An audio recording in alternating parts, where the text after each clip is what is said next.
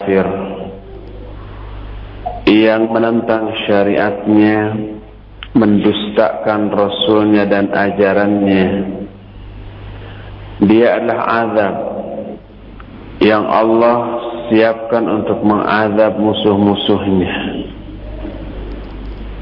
Dia adalah kehinaan yang sangat besar. Penyesalan yang tiada tara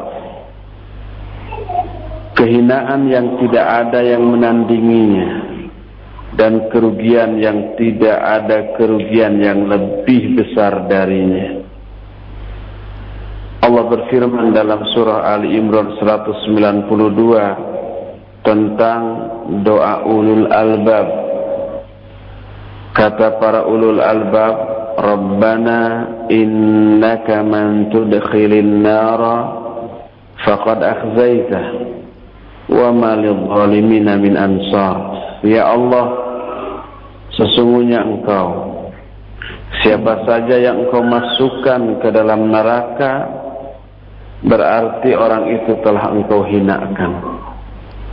Dan tidak ada seorang penolong pun bagi orang-orang yang zalim jadi orang yang masuk ke dalam neraka berarti sudah dihinakan oleh Allah karena neraka adalah sebuah kehinaan yang tiada tanding. Dalam surah At-Taubah 63 Allah berfirman, "Awalam ya'lamu annahu man yuhadidillaha wa rasulah fa inna lahu nar jahannam khalidina fiha." Dzalikal khizyul 'adzim.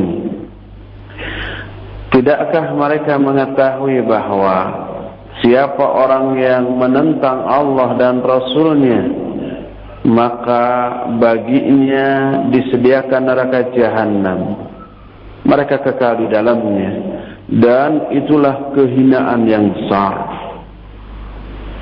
Dalam surah Az-Zumar ayat 15 Allah berfirman Innal khasirin alladhina khasiru anfusahum wa ahlihim yawmal qiyamah ala dzalika huwal khusranul mubin Sesungguhnya orang-orang yang rugi adalah orang-orang yang merugikan diri mereka sendiri dan keluarga mereka pada hari kiamat. Ingatlah neraka itu sebuah kerugian yang sangat nyata. Kenapa bagaimana mungkin neraka bukan menjadi sesuatu yang sangat hina, sangat rugi?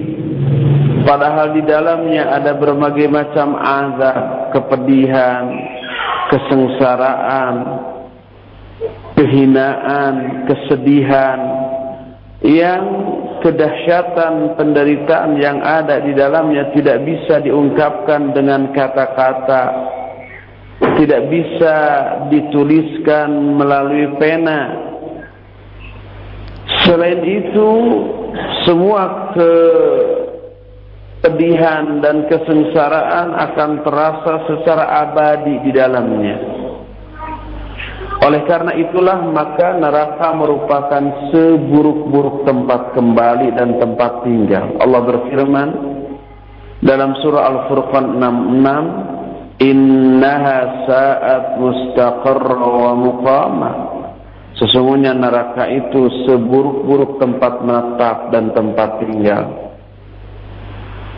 Dalam surah Sad 55 dan 56 Allah berfirman hadza wa inna lit-taghina la syarra ma'ab. Jahannama yaslaunaha fa bi'sal mihad.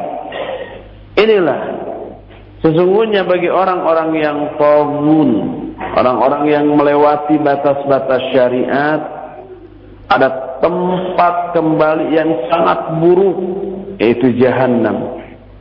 Mereka akan memasukinya, itulah sejelek-jelek tempat untuk menetap. Itulah gambaran tentang keburukan dan kedahsyatan penderitaan yang ada di dalam neraka. Di dalam neraka ada penjaga. Mereka adalah para malaikat yang kasar dan keras. Sekalipun demikian, keras dan kasarnya hanya kepada para penghuni neraka. Tapi mereka adalah makhluk yang taat, tunduk patuh kepada semua perintah Allah tanpa pernah bermaksiat walaupun sekejap. Al-Quran Surah At-Tahrim ayat 6 menyatakan, Ya ayuhalladina amanu, Ku anfusakum wa ahlikum nara, wa kuduhan nas wal hijarah, alaiha malaikatun ghiladun shidad, la ya'suna Allah ma amarahum wa yaf'aluna ma yu'marun. Hai orang-orang yang beriman, jagalah diri-diri kalian dan keluarga kalian dari api neraka yang kayu bakarnya terdiri dari manusia dan batu-batu. Di atas neraka itu ada para malaikat yang kasar dan keras mereka tidak pernah bermaksiat terhadap apa yang Allah perintahkan kepada mereka dan selalu melaksanakan apa yang Allah instruksikan kepada mereka. Ini tentang malaikat penjaga neraka. Jumlah mereka ada 19. Sebagaimana firman Allah dalam surah Al-Muddathir 26 sampai 30 sa'uslihi saqar.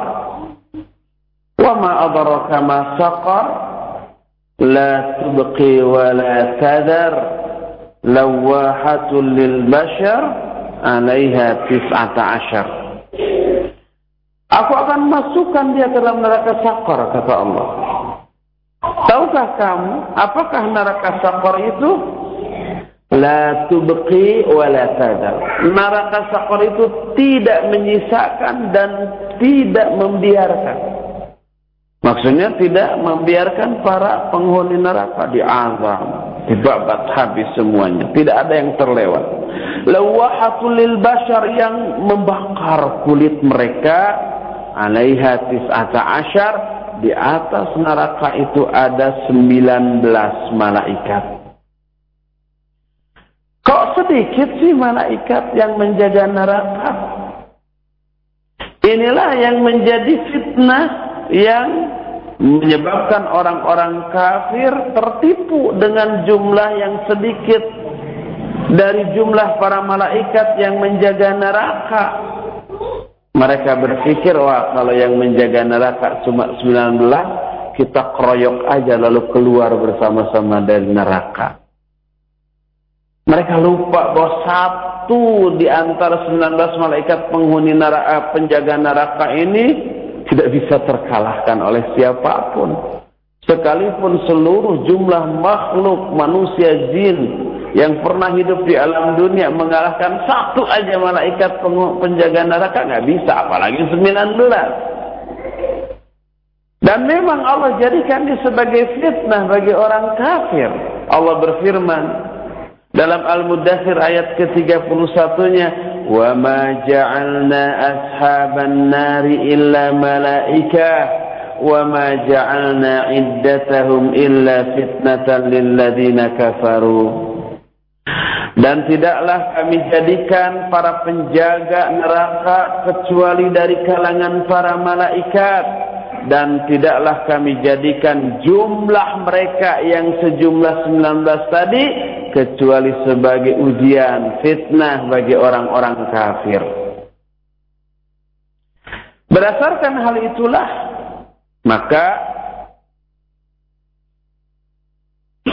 Orang-orang kafir tertipu dengan sedikitnya jumlah malaikat penjaga neraka, tetapi mereka tidak sadar bahwa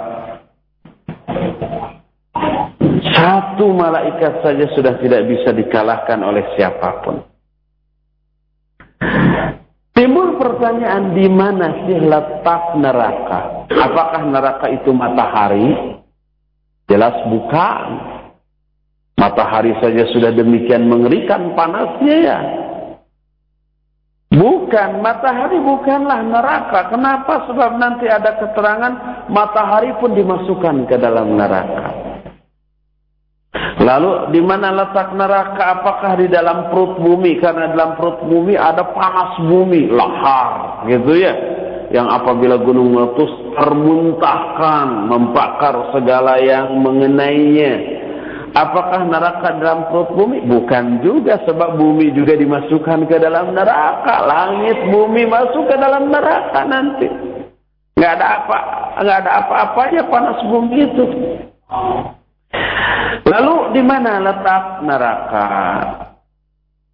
Berkata Syekh Waliullah Ad-Dahlawi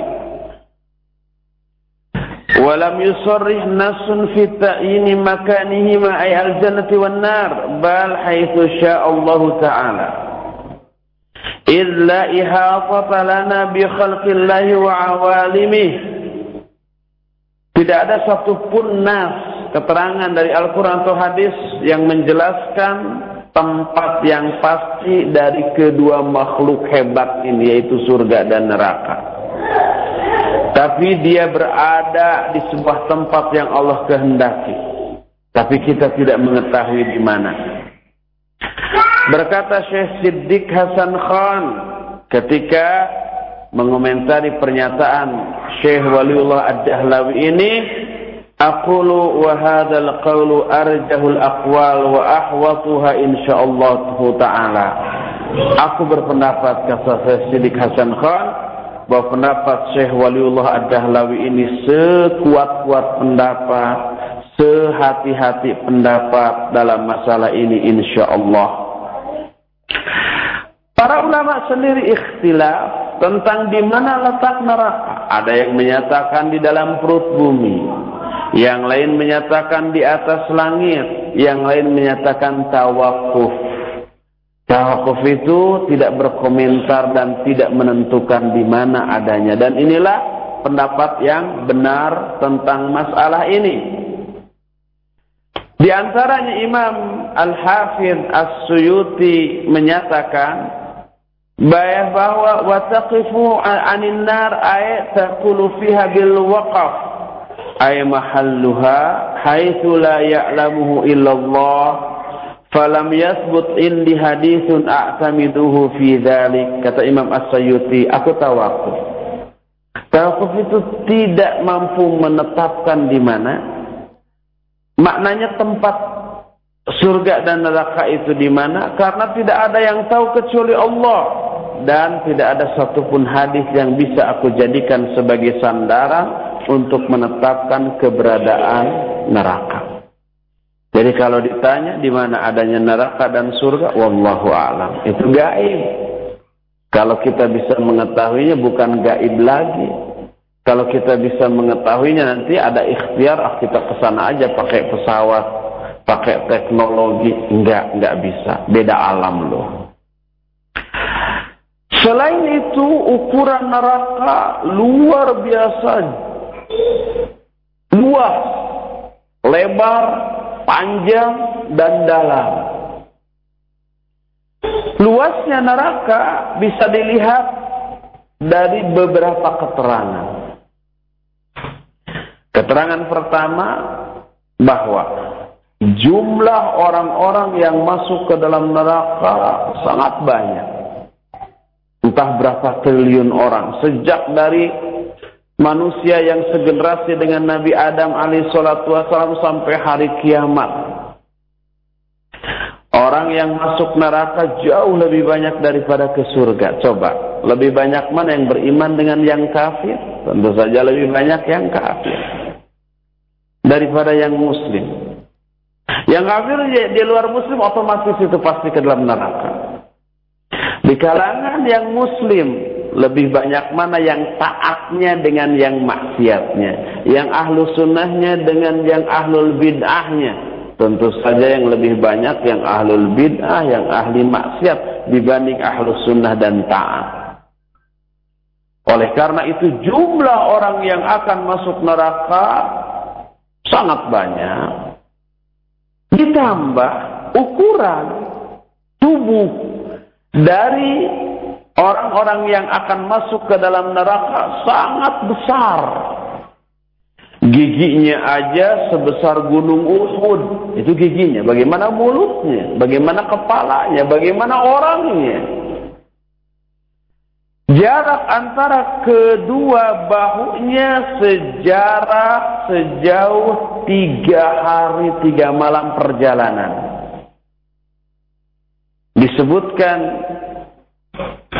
Inna khalqal wahidi fihim yadkhimu hatta yakuna darsuhu fin nari misla jabal Uhud. Wa ma baina mankibaihi masiratu thalathati ayyam. Sesungguhnya ukuran salah seorang penghuni neraka sangat besar sampai giginya aja di dalam neraka itu sebesar gunung Uhud. Dan jarak antara kedua bahunya sejarak tiga hari perjalanan. Tidak ada manusia sebesar itu di dunia sekarang. Tapi di akhirat, khususnya di neraka, segede itu raksasa. Kalau di surga kita sudah tahu kemarin para penghuni surga cuma sebesar ukuran Nabiullah Adam yaitu berapa? 60 hasta, hampir 30 meter lah. Kecil dibanding ahli neraka. Apa hikmahnya dan kenapa ahli neraka jadi gede padahal ketika di dunianya 2 meter juga enggak tingginya ya. Giginya ya cuma sebesar ukuran gigi kita sekarang ini. Tapi kenapa di akhirat di neraka nanti jadi gede? Insya Allah nanti akan kita kaji hikmah dan maksudnya. Di samping itu setelah orang yang masuk ke dalam neraka jumlahnya banyak dan ukurannya sangat besar, neraka ternyata belum penuh juga. Masih minta tambahan. Sebagaimana Allah firmankan dalam surah Qaf ayat 30, "Yauma naqulu li jahannam hal imtala'ti wa taqulu hal min mazid." Pada hari itu kami berkata, bertanya kepada jahanam, apakah kamu masih penuh? Jahanam menjawab, hal mim mazid, masih adakah tambahan? Ternyata belum penuh. Masih nantang, ayo masukkan lagi, masukkan lagi. Dan ini menunjukkan besarnya, luas dan ukuran dari neraka tersebut. Ini yang pertama. Kedua, yang menjadi alasan kenapa kita bisa memastikan bahwa neraka itu sangat-sangat-sangat luas. Selain yang tadi, juga karena apabila seseorang menjatuhkan sebuah batu dari atas, dari tepi jurang neraka, dilemparkan ke bawah. Otomatis kalau dilemparkan dengan kecepatan, ada tenaga untuk melemparkannya sehingga kecepatan jatuh batu tersebut begitu cepat. Secepat itu dilemparkan itu batu dari ujung tepi jurang neraka, itu batu baru sampai ke dasar neraka setelah menempuh perjalanan selama 70 tahun. 70 tahun baru sampai itu ke dasar neraka. Dari mana kita tahu? Dari keterangan Rasul wasallam dalam salah satu hadis yang sahih diriwayatkan oleh Imam Muslim. Diterima dari Abu Hurairah radhiyallahu an. Kata Abu Hurairah, كنا مع رسول الله صلى الله عليه وآله وسلم إذ سمع وجبه.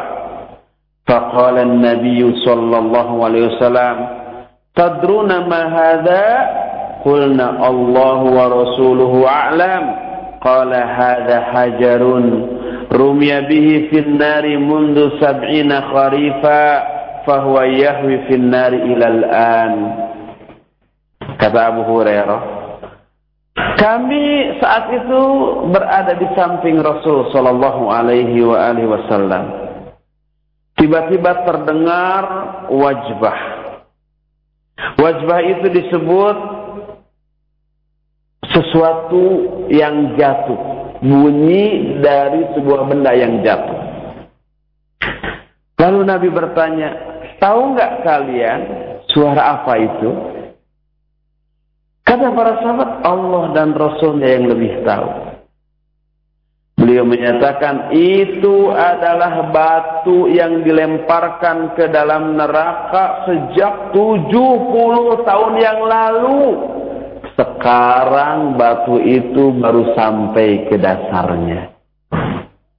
Ini menyangkut yang gaib ya. Kita tidak tahu yang gaib. Yang tahu hanya Allah dan Allah memberitahukan sebagian dari yang gaib itu kepada Rasul yang diridhoinya dan Rasul mengetahuinya. Dan beliau orang yang jujur, yang amin, yang terpercaya.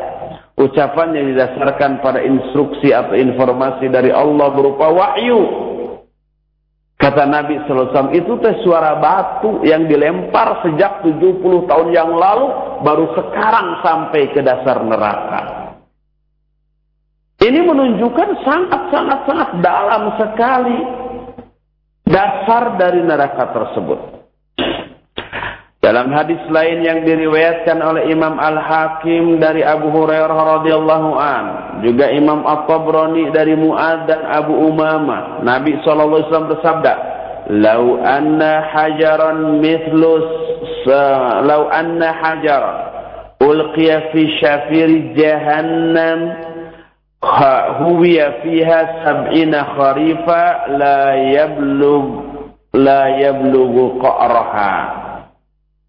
Seandainya ada sebuah batu dilemparkan dari tepi jurang jahanam dia akan meluncur ke dalam jahanam itu dan sampai 70 tahun belum juga mencapai dasarnya ini menunjukkan sangat dalam. Dan kedalaman neraka itu menunjukkan betapa luas dan besar kapasitas dari neraka tersebut. Makanya jangan khawatir kehabisan kapling dan neraka. Tapi yang kita khawatirkan kita dapat kapling di sana. Naudzubillah Inilah alasan yang kedua. Ketiga, Alasan ketiga yang menjelaskan betapa luasnya neraka adalah kafratul adad alladhi ya'ti bin nar minal malaikati yaumal qiyamah. Banyaknya jumlah malaikat yang datang masuk ke dalam neraka. Tapi malaikat masuk ke dalam neraka bukan disiksa, tapi menyiksa. Dan malaikat tidak merasa tersiksa dengan keberadaan mereka di dalam neraka untuk menyiksa orang yang harus disiksa. Sejumlah apa sih malaikat yang juga ikut ada di dalamnya? Disebutkan dalam salah satu ayat yang terdapat dalam surah Al-Fajr 23 waji'a yawma idzin bi jahannam akan didatangkan pada hari itu ke dalam jahannam. Didatangkan apa? Didatangkan siksa dan alat-alatnya yang digusur. Alat itu dipanggul digotong oleh para malaikat. Disebutkan dalam sebuah hadis yang diriwayatkan oleh Imam Muslim diterima dari Abdullah bin Mas'ud radhiyallahu anhu Nabi SAW bersabda, Yu'ta bi jahannama yawma idin, laha sab'una alfa zimamin, ma'a kulli zimamin sab'una alfa malakin. Nanti pada hari kiamat di Jahannam akan didatangkan 70 ribu zimam. Zimam itu rantai besi yang besar. 70 ribu. Masing-masing satu rantai besi digotong oleh 70 ribu malaikat.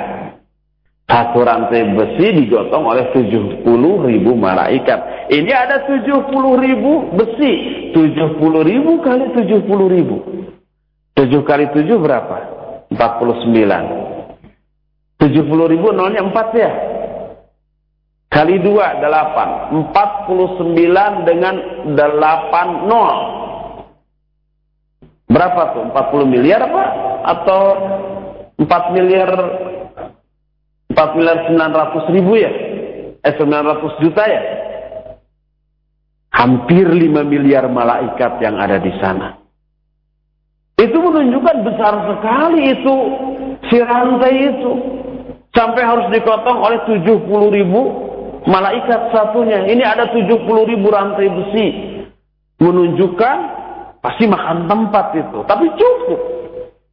Orangnya para penghuni neraka banyak dan gede. Para malaikatnya gede. Alat penyiksanya juga gede lagi. Dan neraka masih belum penuh juga.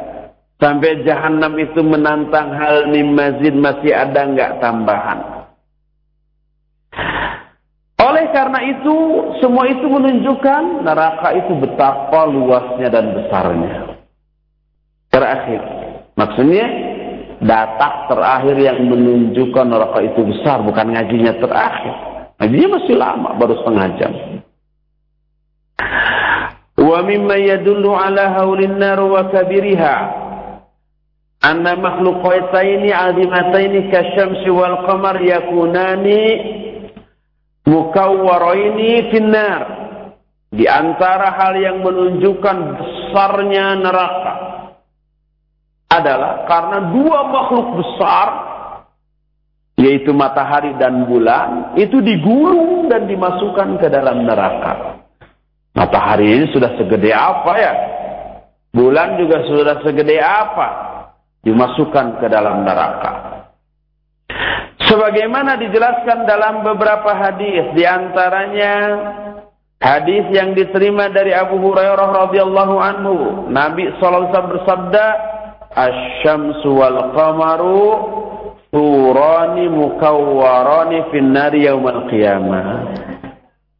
Bahwa matahari dan bulan kelak akan digulung dan dimasukkan ke dalam neraka pada hari kiamat.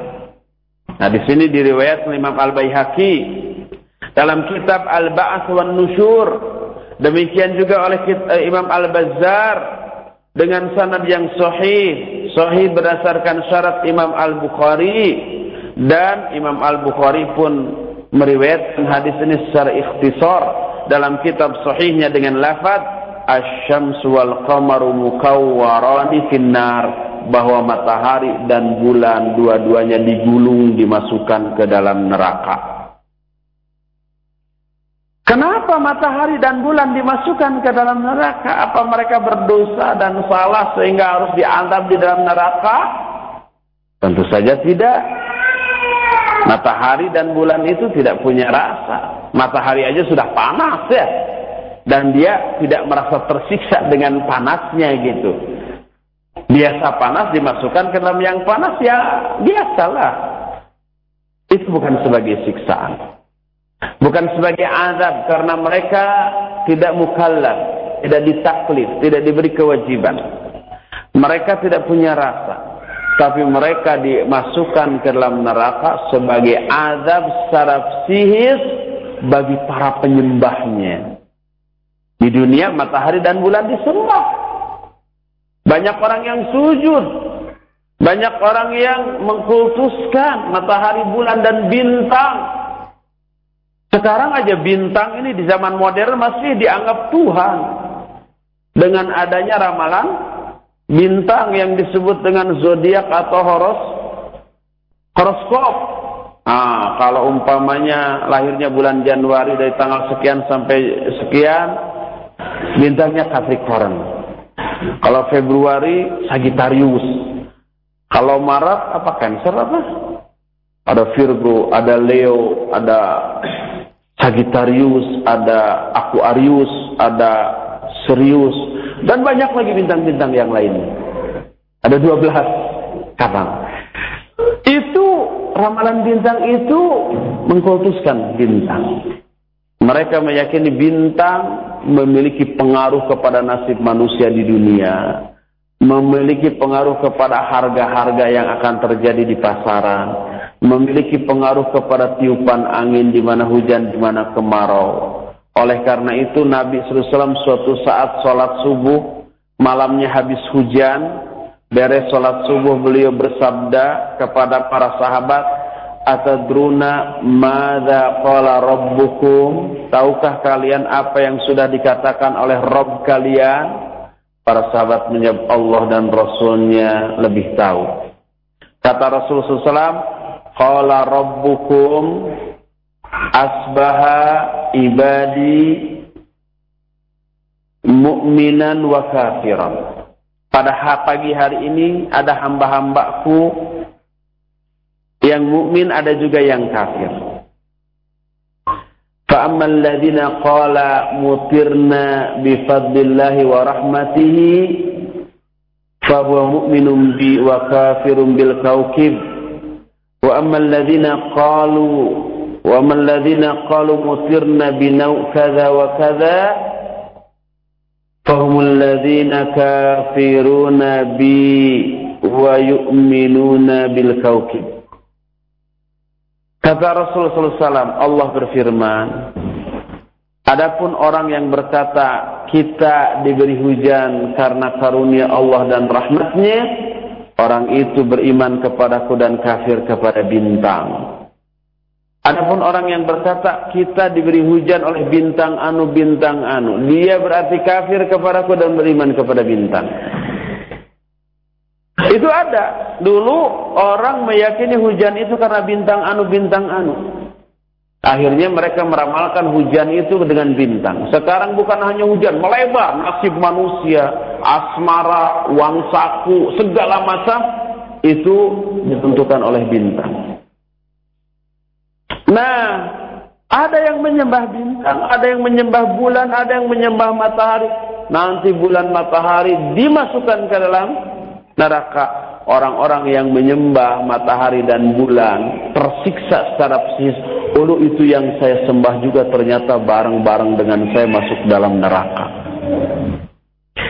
Itulah yang menjadi penyebab. Nah kita lihat bulan dan bintang yang segitu gedenya juga masuk ke dalam neraka. Bayangkan, ada bulan dan matahari di dalam neraka. Kemudian jumlah penghuni neraka banyak dan gede-gede. Kemudian juga ada rantai yang gede-gede. Satu rantainya harus digotong dengan 70 ribu malaikat. Ini ada 70 yang kayak begitu. 70 ribu yang kayak begitu. Ini menunjukkan bahwa meneraka amat sangat luas, amat sangat besar. Selain itu, neraka bertingkat-tingkat. Setiap tingkatan memiliki kedahsyatan azab yang berbeda. Cuma tingkatan neraka dari atas ke bawah dan bukan dari bawah ke atas. Yang paling atas, yang paling ringan azabnya, lebih ke bawah, lebih hebat, dan yang paling hebat adalah yang paling bawah. Allah berfirman dalam surah An-Nisa 145, "Innal munafiqina fid darkil asfali minan nar." Sesungguhnya orang-orang munafik itu berada dalam darak terendah di dalam neraka. Darak itu tingkatan. Berkata orang Arab, "Tutlaqud darak ala kulli ma tasafala."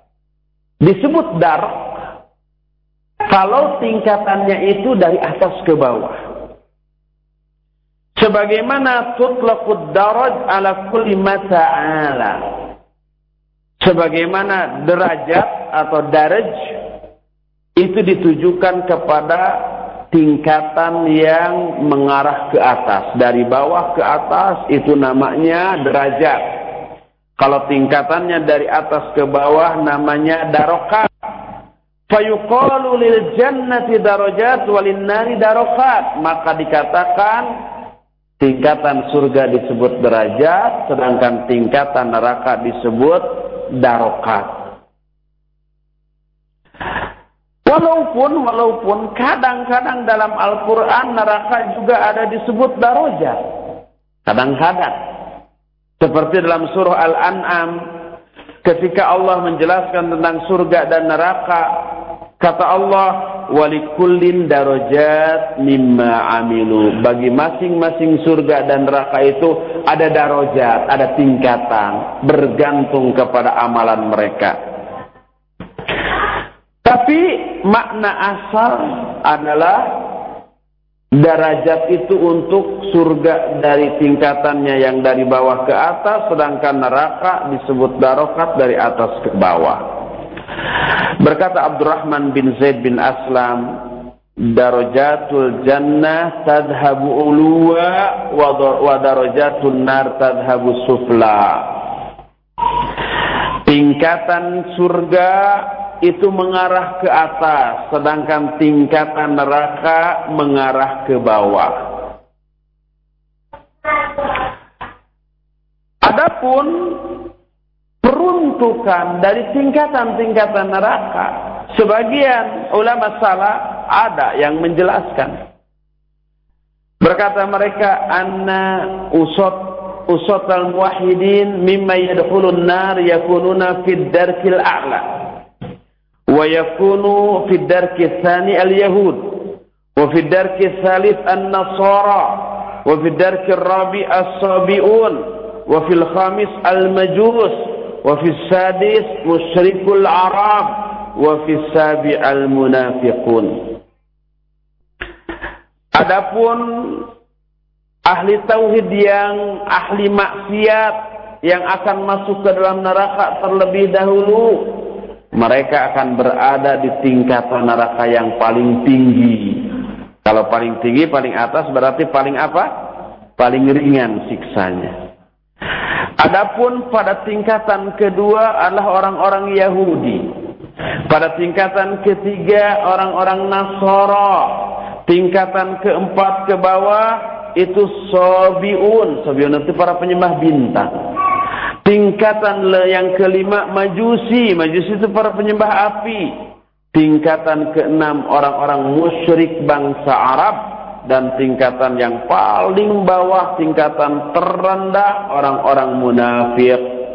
Sebagaimana firman Allah, Innal munafiqina fid darkil asfali minan nar. Apakah Peruntukan tingkatan-tingkatan neraka ini berdasarkan nas ayat atau hadis? Tidak. Pembagian ini bersifat ijtihadi. Ijtihad para ulama saja. Sebagaimana dijelaskan oleh para ulama tentang masalah ini.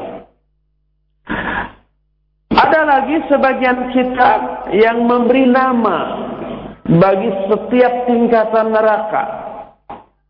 Adapun yang pertama adalah jahanam. Ini yang paling tinggi, paling atas dan paling ringan.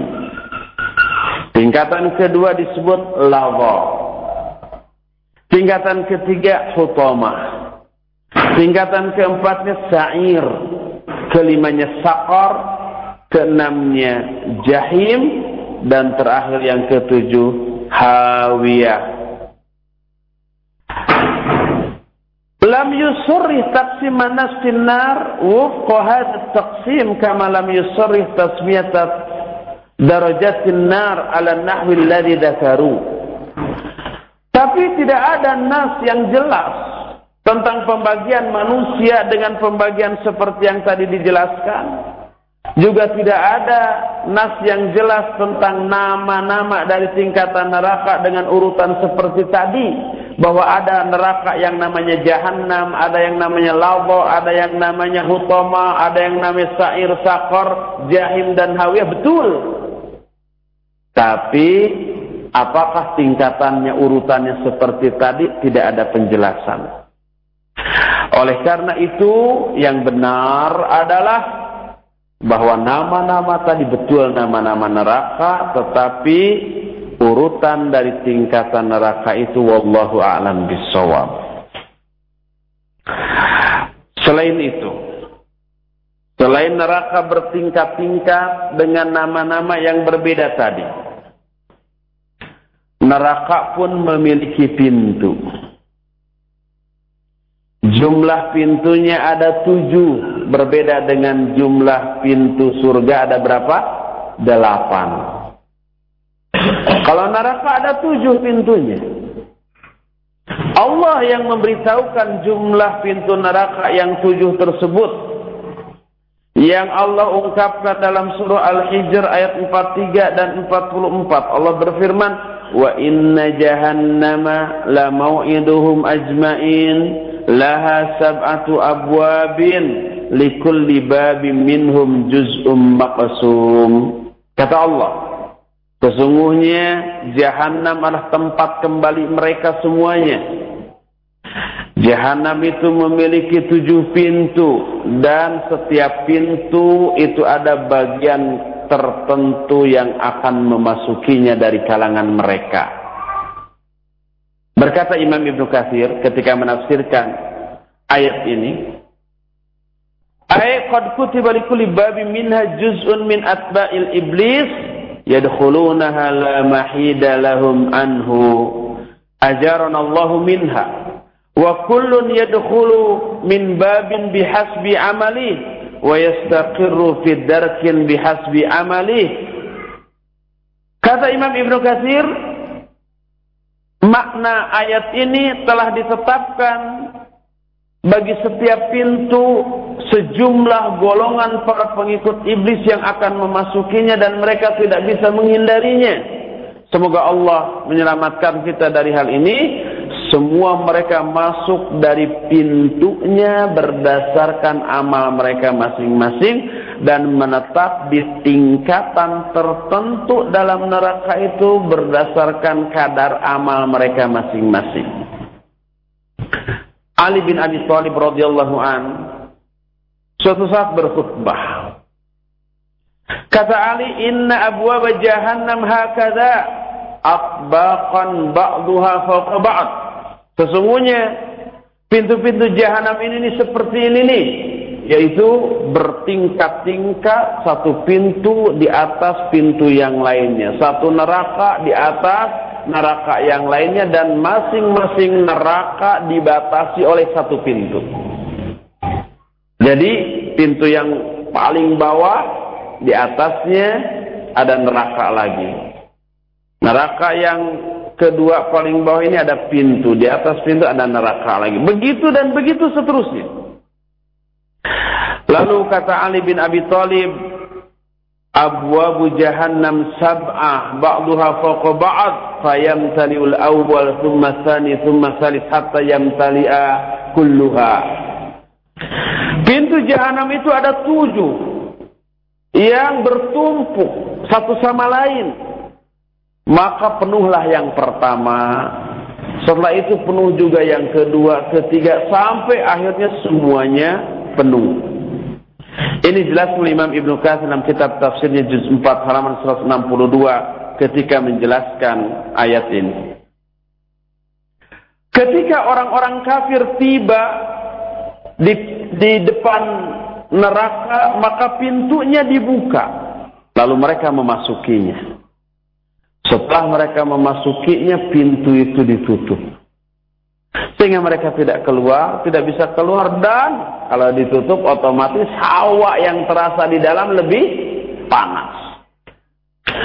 Allah berfirman dalam Al-Quran surah Az-Zumar 71 وَسِيقَ الَّذِينَ kafaru ila جَهَنَّمَ زُمَرًا حتى إذا جاءوها فتحت أبوابها وقال لهم خزنتها ألم يأتكم رسل منكم يتلون عليكم آيات ربكم وينذرونكم لقاء يومكم هذا؟ قالوا بلى ولكن حقت كلمة العذاب على الكافرين. Dan digiringlah orang-orang kafir ke dalam jahanam secara berkelompok-kelompok. Sehingga apabila mereka sampai ke jahanam itu dibukakan pintu jahanam. Berkatalah para malaikat penjaga jahanam itu kepada mereka, Apakah tidak ada yang datang kepada kalian, para rasul di antara kalian yang membacakan kepada kalian ayat-ayat Allah dan memberikan peringatan kepada kalian tentang pertemuan hari ini? Mereka menjawab bala. Sudah, dulu memang sudah ada yang datang. Ada para rasul. Kalau zaman sekarang para rasul tidak ada, ada dai-dainya Ada mubalik-mubaliknya yang menyampaikan ajaran yang dibawa oleh para rasul, menyampaikan Al-Quran, menyampaikan hadis, menyampaikan penjelasannya secara gamblang dan rinci. Sudah. Tapi ngeyel. Tapi bandel, bedang, wangkelang, tekapalang. Itu yang menyebabkan mereka itu tidak manut, tidak memenuhi seruan dakwah. Dalam surah Az-Zumar ayat 72 dikatakan, "Udkhulu abwaab jahannam khalidina fiha fa bi'sa mathwal mutakabbirin." Masuklah kamu ke dalam pintu jahanam itu dan kalian abadi di dalamnya selama-lamanya. Itulah seburuk-buruk tempat tinggal bagi orang-orang yang takabur. Setelah mereka masuk, ditutuplah pintu jahanam. Sebagaimana Allah berfirman dalam surah Al-Balad ayat 19 dan 20, "Walladzina kafaru biayatina hum ashabul mas'ama 'alaihim narum mu'sadah." Dan orang-orang yang kafir kepada ayat-ayat kami, mereka lah golongan yang celaka. Alaihim narum mu'sadah, mereka akan dimasukkan ke dalam narum mu'sadah Muqsadah itu apa? Kata Ibnu Abbas, muqsadah mughlaqatul abwab. Muqsadah itu neraka yang pintunya tertutup. Ini bahasa orang Quraisy yang khas. Kalau umpamanya tutup pintu seperti orang Sunda king pendetkeun gitunya. Pintu nu artinya pintu yang tertutup. Orang Quraisy menyatakan pintu yang tertutup itu yang muqsad. Al-babul muqsad. Pintu yang muqsad. Pantok nu nendet. Itu artinya apa? Nutup. Pendetkan. Tutupkan. Seperti itu. Muqsadah artinya yang tertutup. Lihat Allah di dalam surah Al-Humazah menyatakan innaha alaihim muqsadah fi amadin mumaddadah mereka itu berada dalam neraka yang muqsoda. Muqsoda itu artinya yang tertutup pintunya. Dan begitu pintu tertutup, maka yang terjadi adalah pertama mereka nggak bisa keluar dari pintu itu. Yang kedua, hawa yang tercipta di dalam neraka jauh lebih panas dibanding apabila dibuka. Kadang-kadang sebelum hari kiamat, sebelum para penghuninya memasuki neraka, pintu neraka itu kadang ditutup, kadang dibuka. Pada sekarang, saat Ramadan sekarang pintu neraka ditutup. Nanti seusai Ramadan dibuka lagi tuh. Allah melalui lisan Rasulnya dalam sebuah hadis dalam yang diterima dari Abu Hurairah radhiyallahu anhu Nabi alaihi salatu wasallam bersabda, "Idza jaa Ramadan, futihat abwabul jannah wa ghuliqat abwabun nar wa sufidatis syayatin wa maradatul jin wa maradatil jin." Kata Nabi sallallahu alaihi wasallam apabila datang hari kiamat dibuka pintu-pintu surga, ditutup pintu-pintu neraka dan dibelenggu setan-setan dan jin-jin yang durhaka. Dalam hadis yang diriwayatkan oleh Imam At-Tirmidzi masih dari Abu Hurairah radhiyallahu anhu, Nabi alaihi salatu wasallam bersabda, "Idza kana awwalu lailatin min Ramadan, sufidatish syayatin wa maradatul jin wa ughliqat abwabun nar falam yuftah minha babun wa futihat abwabul jannah falam yughlaq minha babun." Bila datang awal malam Ramadan, maka dibelenggu setan dan jin-jin yang durhaka. Ditutup pintu-pintu neraka, tidak ada satupun yang terbuka. Dibuka pintu-pintu surga, tidak ada satupun yang tertutup. Jadi, pintu neraka di bulan Ramadan ditutup, nanti selesai Ramadan berlalu, ya dibuka lagi. Menunjukkan bahwa pintu neraka suka dibuka dan suka ditutup khusus bagi orang yang sudah mati yang mengalami azab kubur pintu neraka dibuka mengarah ke alam kubur mereka Sehingga panasnya, anginnya, baunya, semua penderitaannya tertiupkan ke alam kuburnya itu. Sebagaimana nanti insya Allah akan dijelaskan. Selain neraka punya pintu, neraka juga ada suluh atau kayu bakar. Kayu bakarnya terdiri dari manusia dan batu-batu. Adapun manusia, manusia yang menjadi kayu bakar neraka artinya manusia penghuni neraka. Orang-orang kafir, orang-orang musyrik, orang-orang ateis, orang-orang yang non-muslim. Secara abadi mereka menjadi kayu bakar.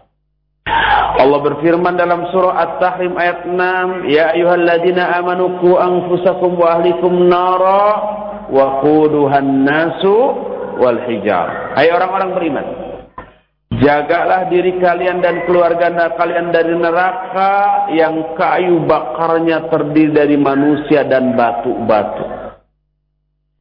Al-Baqarah 24 menyatakan fattaqun narul lati waquduhan nasu wal hijar. Takutlah kamu ke dalam neraka yang kayu bakarnya terdiri dari manusia dan batu. Iddat lil kafir disediakan bagi orang-orang yang kafir. Lalu batu yang dimaksud itu batu apa? Para ulama menyatakan seperti yang dituturkan oleh Allah bin Mas'ud, hiya hijaratu min kibrit. Khalaqaha Allah yawma khalaqa samawati wal ard fis dunya yu'idduha lil kafirin. Batu yang dimaksudlah batu kibrit, bahasa kitanya batu belerang yang Allah ciptakan pada waktu ketika Allah menciptakan langit dan bumi di langit dunia dan disediakan bagi orang-orang yang kafir. Ada beberapa penjelasan kenapa batu yang dijadikan sebagai kayu bakarnya itu adalah batu kibrit atau batu belerang tadi. Bukan kayu bakar ya tapi batu bakar ber berarti. Kalau kayu bakar terdiri dari kayu. Berkata Imam Ibn Rajab aksarul mufassirina ala annal murada bil hijarati hijaratul kibrit Kebanyakan mufassir menyatakan bahwa yang dimaksud batu di neraka adalah batu belerang Kenapa?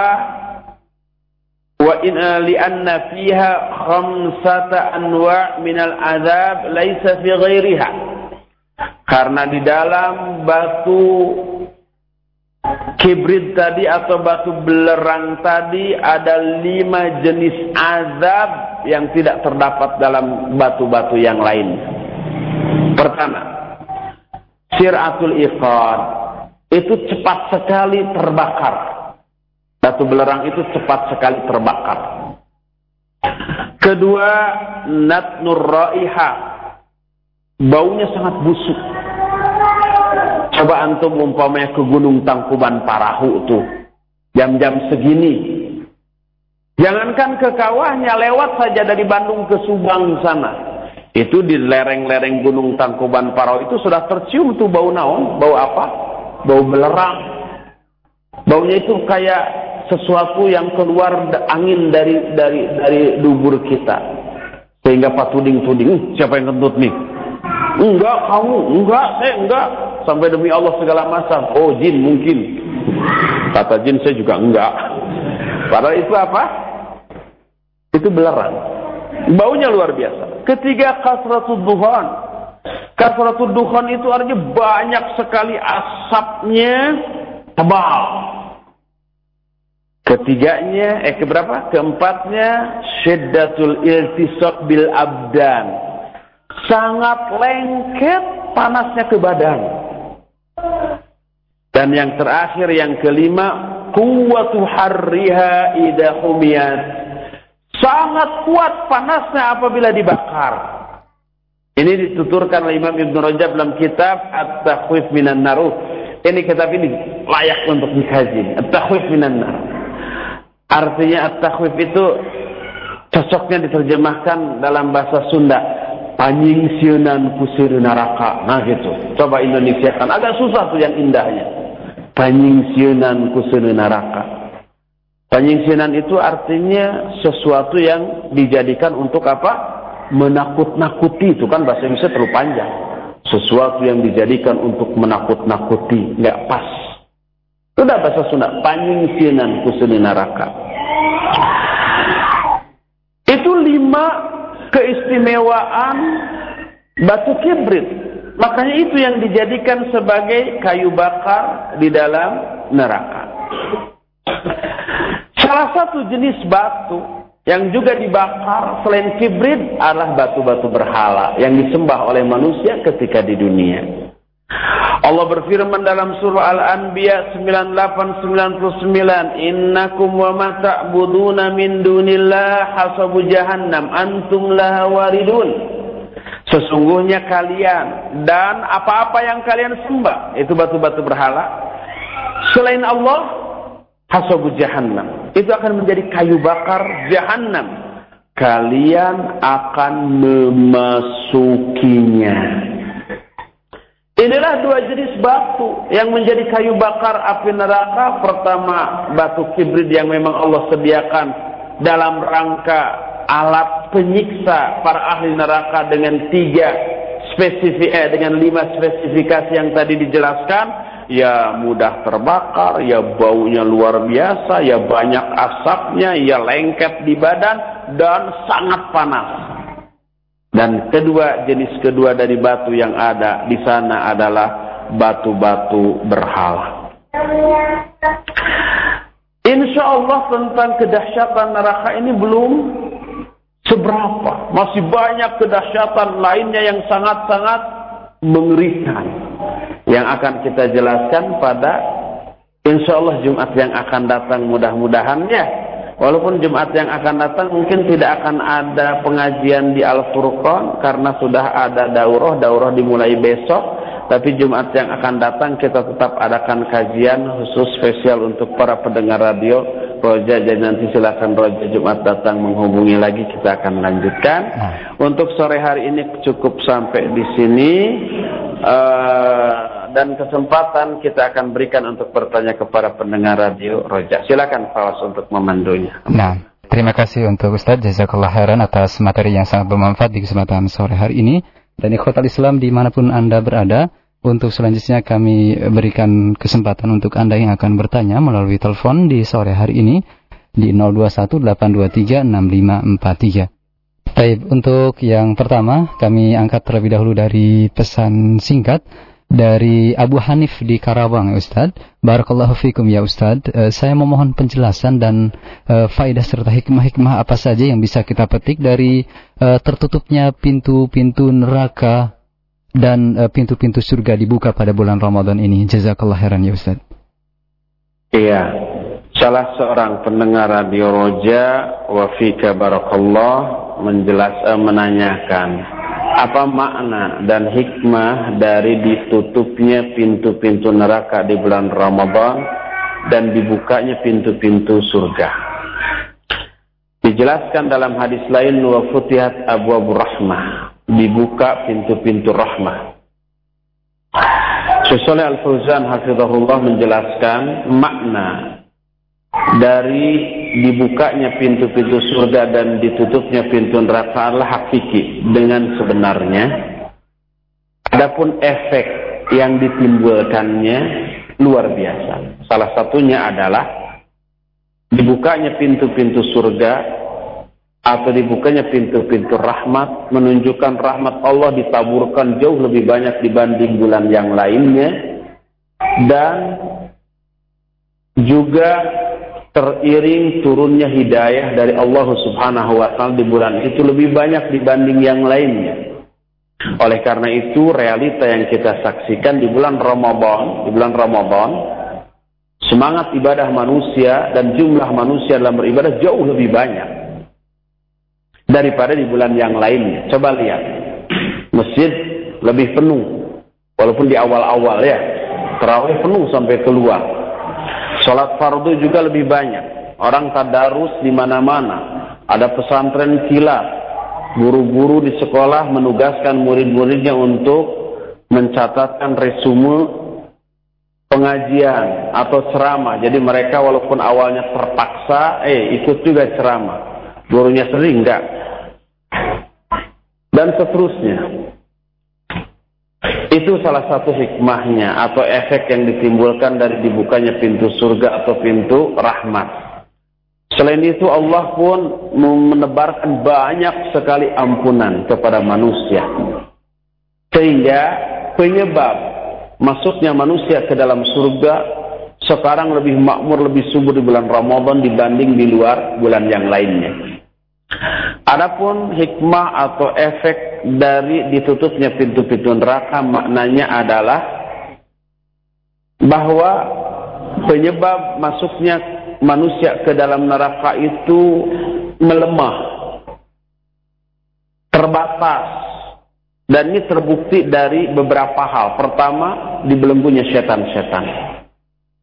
Yang keduanya, padahal setan termasuk salah satu bahkan penyebab terbesar terjerumusnya manusia ke dalam kemaksiatan yang akhirnya memasukkan manusia ke dalam neraka.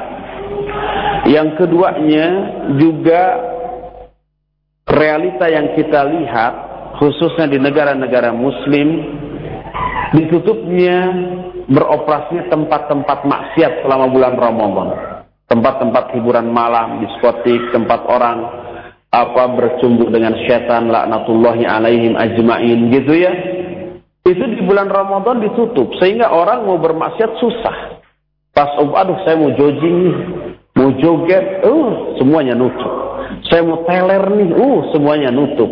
Saya mau nyanyi-nyanyi ini di karaokean, uh semuanya nutup, gitu ya. Saya umpamanya mau dipijit plus-plus, uh semuanya nutup. Susah mau bermaksiat. Kalau toh umpamanya mau harus keluar uang lebih gede lagi, ngumpet-ngumpet di hotel berbintang 6, 7, 8. Sebab kalau di hotel Melati digerebek. Kalau aman di hotel yang berbintang, tiga ke atas gitu. Oleh karena itulah maka lebih sempit kesempatan orang untuk bermaksiat. Lebih terbatas. Inilah salah satu efek atau hikmah atau makna dari ditutupnya pintu-pintu neraka di bulan Ramadan. Selain bahwa itu maknanya hakiki benar bahwa di bulan Ramadan pintu surga dibuka dan di bulan-bulan uh, Ramadan pintu neraka ditutup.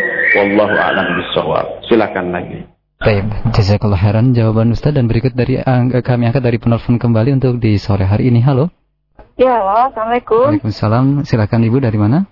Uh, dari Tangerang dengan Ibu Ika. Silakan Ibu. Ya, Assalamualaikum Ustaz. Waalaikumsalam. Saya mau bertanya uh, tadi tentang neraka yang paling ringan ya Ustaz. Benarkah itu seringan-ringannya neraka yang paling uh, ringan siksaannya itu sebagaimana dikisahkan uh, pamannya itu bahwa uh, dia diazab di neraka yang paling ringan. Seringan-ringannya itu uh, mendidihkan uh, isi kepala gitu ya. Terus yang kedua, bukankah paman Rasulullah itu masih terhitung al-musrikun? Tapi kenapa di uh, azabnya di neraka yang paling ringan? Padahal ada tingkatan orang-orang al-musrikun Arab begitu. Demikian hmm. Ustaz, uh, Assalamualaikum, uh, Waalaikumsalam. Waalaikumsalam warahmatullahi Terima kasih Ibu. Waalaikumsalam. Ibu Ika di Tangerang. Bertanya, benarkah riwayat yang menyatakan bahwa seringan-ringan siksaan di neraka itu diberi sepasang sendal dari neraka yang begitu dipakai langsung ubun-ubunnya mendidih? Dan benarkah yang mengalami itu salah satunya adalah Abu Talib paman Nabi? Kenapa dia disiksa paling ringan? Padahal dia mati dalam keadaan musyrik Kenapa tidak sesama orang-orang musyrik Arab yang lainnya? Iya. Bu Ika, riwayat itu benar.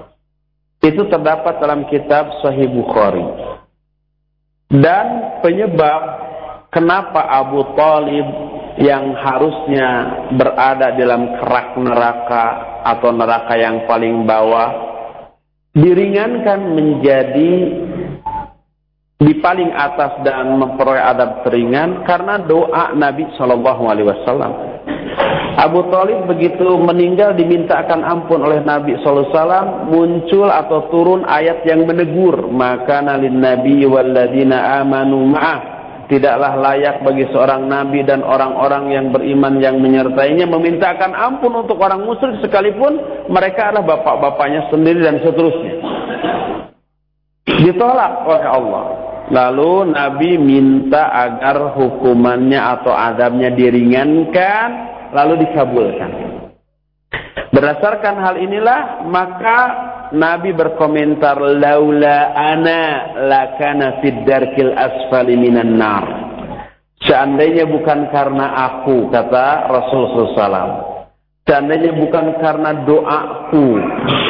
Pasti Abu Talib ini berada dalam dar terendah, dalam keraknya neraka. Karena dia orang musyrik.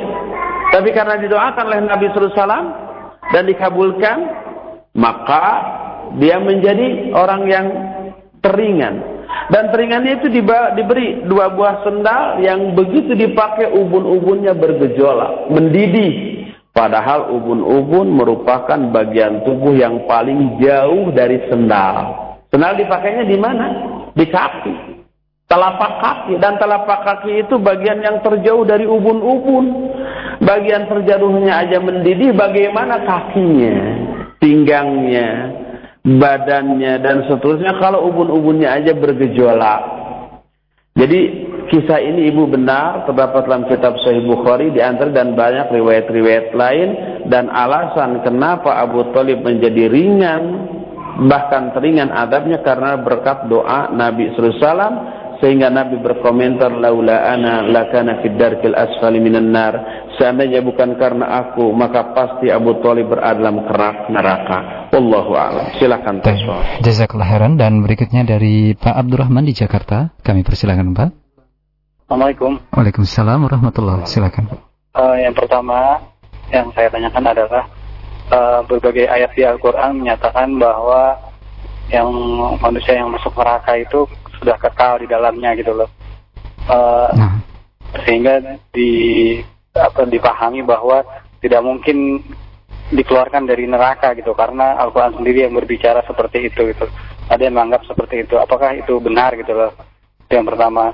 Yang iya. kedua dengan dibukanya pintu surga dan ditutupnya pintu neraka uh, ini menjadi bukti bahwa uh, sebenarnya neraka dan surga itu sudah ada dari yeah. sejak sekarang ini gitu. Kemudian ya itu aja. Terima kasih. Baik. Hmm.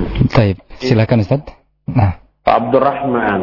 Nah, pertanyaan pertama bertanya, kedua memberikan pernyataan. Nah. Pertanyaannya adalah eh, benar tadi dikatakan menurut Al-Qur'an orang yang sudah masuk ke dalam neraka, pintu neraka ditutup berarti tidak bisa keluar lagi dan mereka kekal. Apakah benar demikian? Yang keduanya tadi disebutkan bahwa surga dan neraka demikian-demikian itu menunjukkan bahwa surga dan neraka sudah ada sejak sekarang. Itu pernyataan dan bukan pertanyaan ya. dan itu benar. Nah, pertanyaan itu benar. Adapun yang pertama, pertanyaan, benarkah Orang yang sudah masuk ke dalam neraka itu kemudian pintunya ditutup tidak akan keluar lagi. Ini setengah benar. Harus dirinci. Al-Quran yang menyatakan begitu mereka masuk pintunya ditutup kembali itu khusus untuk orang-orang kafir sebagaimana yang dijelaskan tadi dalam ayat yang kita kaji tadi. Uh, Allah menyatakan wasiqal ladzina kafaru ila jahannama zumara. Dan digiringlah orang-orang kafir ke dalam jahanam secara berkelompok-kelompok terus mereka masuk dan kekal dan tertutup iya orang kafir itu kekal di dalam neraka Apakah semua orang yang masuk ke dalam neraka bakal kekal? Nah, ini tidak. Karena ada orang sebagian kaum muslimin ahli tauhid tapi ahli maksiat.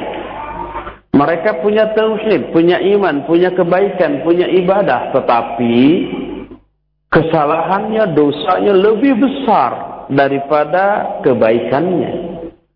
Sehingga ketika ditimbang dosanya lebih besar, lebih ringan kebaikannya. Allah berfirman, wa amma man khaffat mawazinu fa hawiyah. Adapun orang-orang yang ringan timbangan amal kebaikannya, berarti dosanya lebih berat, maka tempat kembalinya ke neraka hawiyah. Ini orang-orang muslim yang berdosa besar. Mereka dosanya tersisa banyak dan kebaikannya terhapus dipakai menghapus sebagian dari dosanya. Maka kebaikannya habis, dosa yang tersisa masih banyak. Mereka juga tidak memperoleh syafaat atau syafaatnya hanya menghapus sebagian dosanya. Mereka juga tidak memperoleh rahmat dari Allah atau rahmat Allah hanya menghapus sebagian dosanya. Setelah semua aspek penghapus dosa habis, dosanya masih tersisa. Nah ini yang menyebabkan mereka ke neraka terlebih dahulu. Tapi tidak akan selama-lamanya karena mereka punya iman, punya kebaikan, punya ibadah, punya uh, amal soleh yang dulu pernah mereka kerjakan di dunia. Oleh karena itu dalam kitab Sahih Muslim ada satu bab khusus yang diberi judul bab orang yang paling akhirnya paling akhir masuk ke surga di kalangan umatku. Itu mereka yang sudah gosong di dalam neraka. Setelah itu diambil, diangkat, dimasukkan ke dalam nahrul hayat, kemudian tumbuh lagi, seger lagi, lalu mereka dimasukkan ke dalam surga, lalu para penghuni surga yang sudah lebih dulu masuk ke surga menggelari mereka dengan gelar al-jahannamiyin, artinya mantan-mantan jahannam. Ini dijelaskan sehingga Syekhul Islam Ibn Taimiyah membahas masalah ini secara khusus dalam sebuah kitab yang berjudul Ahkamu Usatil Mu'minin, hukum orang-orang mukmin yang maksiat oleh karena itulah, maka pernyataan Pak Abdurrahman tadi yang menyatakan bahwa benarkah orang yang masuk ke dalam neraka itu ditutup dan kekal di dalamnya selama-lamanya? Benar kalau itu orang kafir, tidak benar kalau itu orang muslim yang berdosa besar. Orang muslim yang berdosa besar akan dikeluarkan lagi dari neraka untuk kemudian dimasukkan ke dalam surga dan nas ayat yang menyiratkan hal itu dan hadis yang mensuratkan atau menjelaskan secara gamblang tentang itu amat sangat banyak wallahu a'lam. Silakan. Nah, jazakallah khairan jawaban Ustaz dan berikut dari pesan singkat dari seorang hamba Allah di Bekasi yang bertanya, "Ya Ustaz, setelah tadi menyimak gambaran keburukan dan kengerian neraka, mengapa hati saya ini masih terasa hampa dan tidak ada uh, perasaan takut terhadap uh, apa yang antum menjelaskan tadi terhadap kengerian neraka?" Yang jadi pertanyaan apa yang terjadi pada diri saya ini ya Ustadz? Mohon berikan pencerah, pencerahan dan motivasinya. Jazakallah khairan Ustadz. Iya, ada seorang hamba Allah bertanya. Setelah mendengar penjelasan tentang ngerinya neraka tadi, padahal itu belum seberapa ngeri itu, nanti ngeri lagi. Tapi kok hati saya, kata si penanya, nggak tergerak, nggak takut, nggak sugan bergetar gitu, sugan ngediri gidi gitu, enggak. Ada apa dengan hati saya? Malah ini balik bertanya, ada apa dengan hati Anda? Coba perhatikan hal-hal berikut ini. Nah. Itu tanda kerasnya hati. Dan kerasnya hati pertama diakibatkan karena kemaksiatan, dosa, kesalahan yang kita lakukan. Setiap kesalahan dan dosa yang kita lakukan mengeraskan hati kita dan hati yang keras tidak akan tersentuh oleh bacaan ayat, pedaran hadis, teguran dan nasihat selembut dan sebagus apa pun. Itu karena kekerasan hati diakibatkan karena kemaksiatan tadi. Oleh karena itu, maka pertama, segeralah bertobat menjauhi semua itu. Kedua, Kerasnya hati juga diakibatkan karena kelalaian hati tersebut dalam mengingat Allah. Jarang zikir, jarang membaca ayat Al-Quran, jarang memurojaah hafalan-hafalan yang sudah ada dalam diri kita. Jarang juga mendengar umpamanya kajian-kajian atau kajian didengar tapi sering mengikuti kajian, lebih sering lagi melakukan kemaksiatan. Sehingga kajian-kajian dosa-dosa tetap berlangsung. Oleh karena itu, maka karena kelalaian merupakan hal yang menyebabkan hati keras dan hati keras itu tidak akan bisa tersentuh oleh pedaran ayat atau hadis, mulailah dengan banyak berzikir, banyak umpamanya membaca ayat Al-Quran, mengulang-ulang memurojaah hafalan-hafalan dan seterusnya serta duduklah sesering mungkin dalam majelis-majelis ilmu, bergaulah dengan orang-orang yang soleh berilmu dan ahli ibadah sehingga kita terbawa imbas kesolehan mereka. Ketiga, salah satu kiat untuk melunakkan hati adalah zikrul maut. Banyak-banyak mengingat kematian.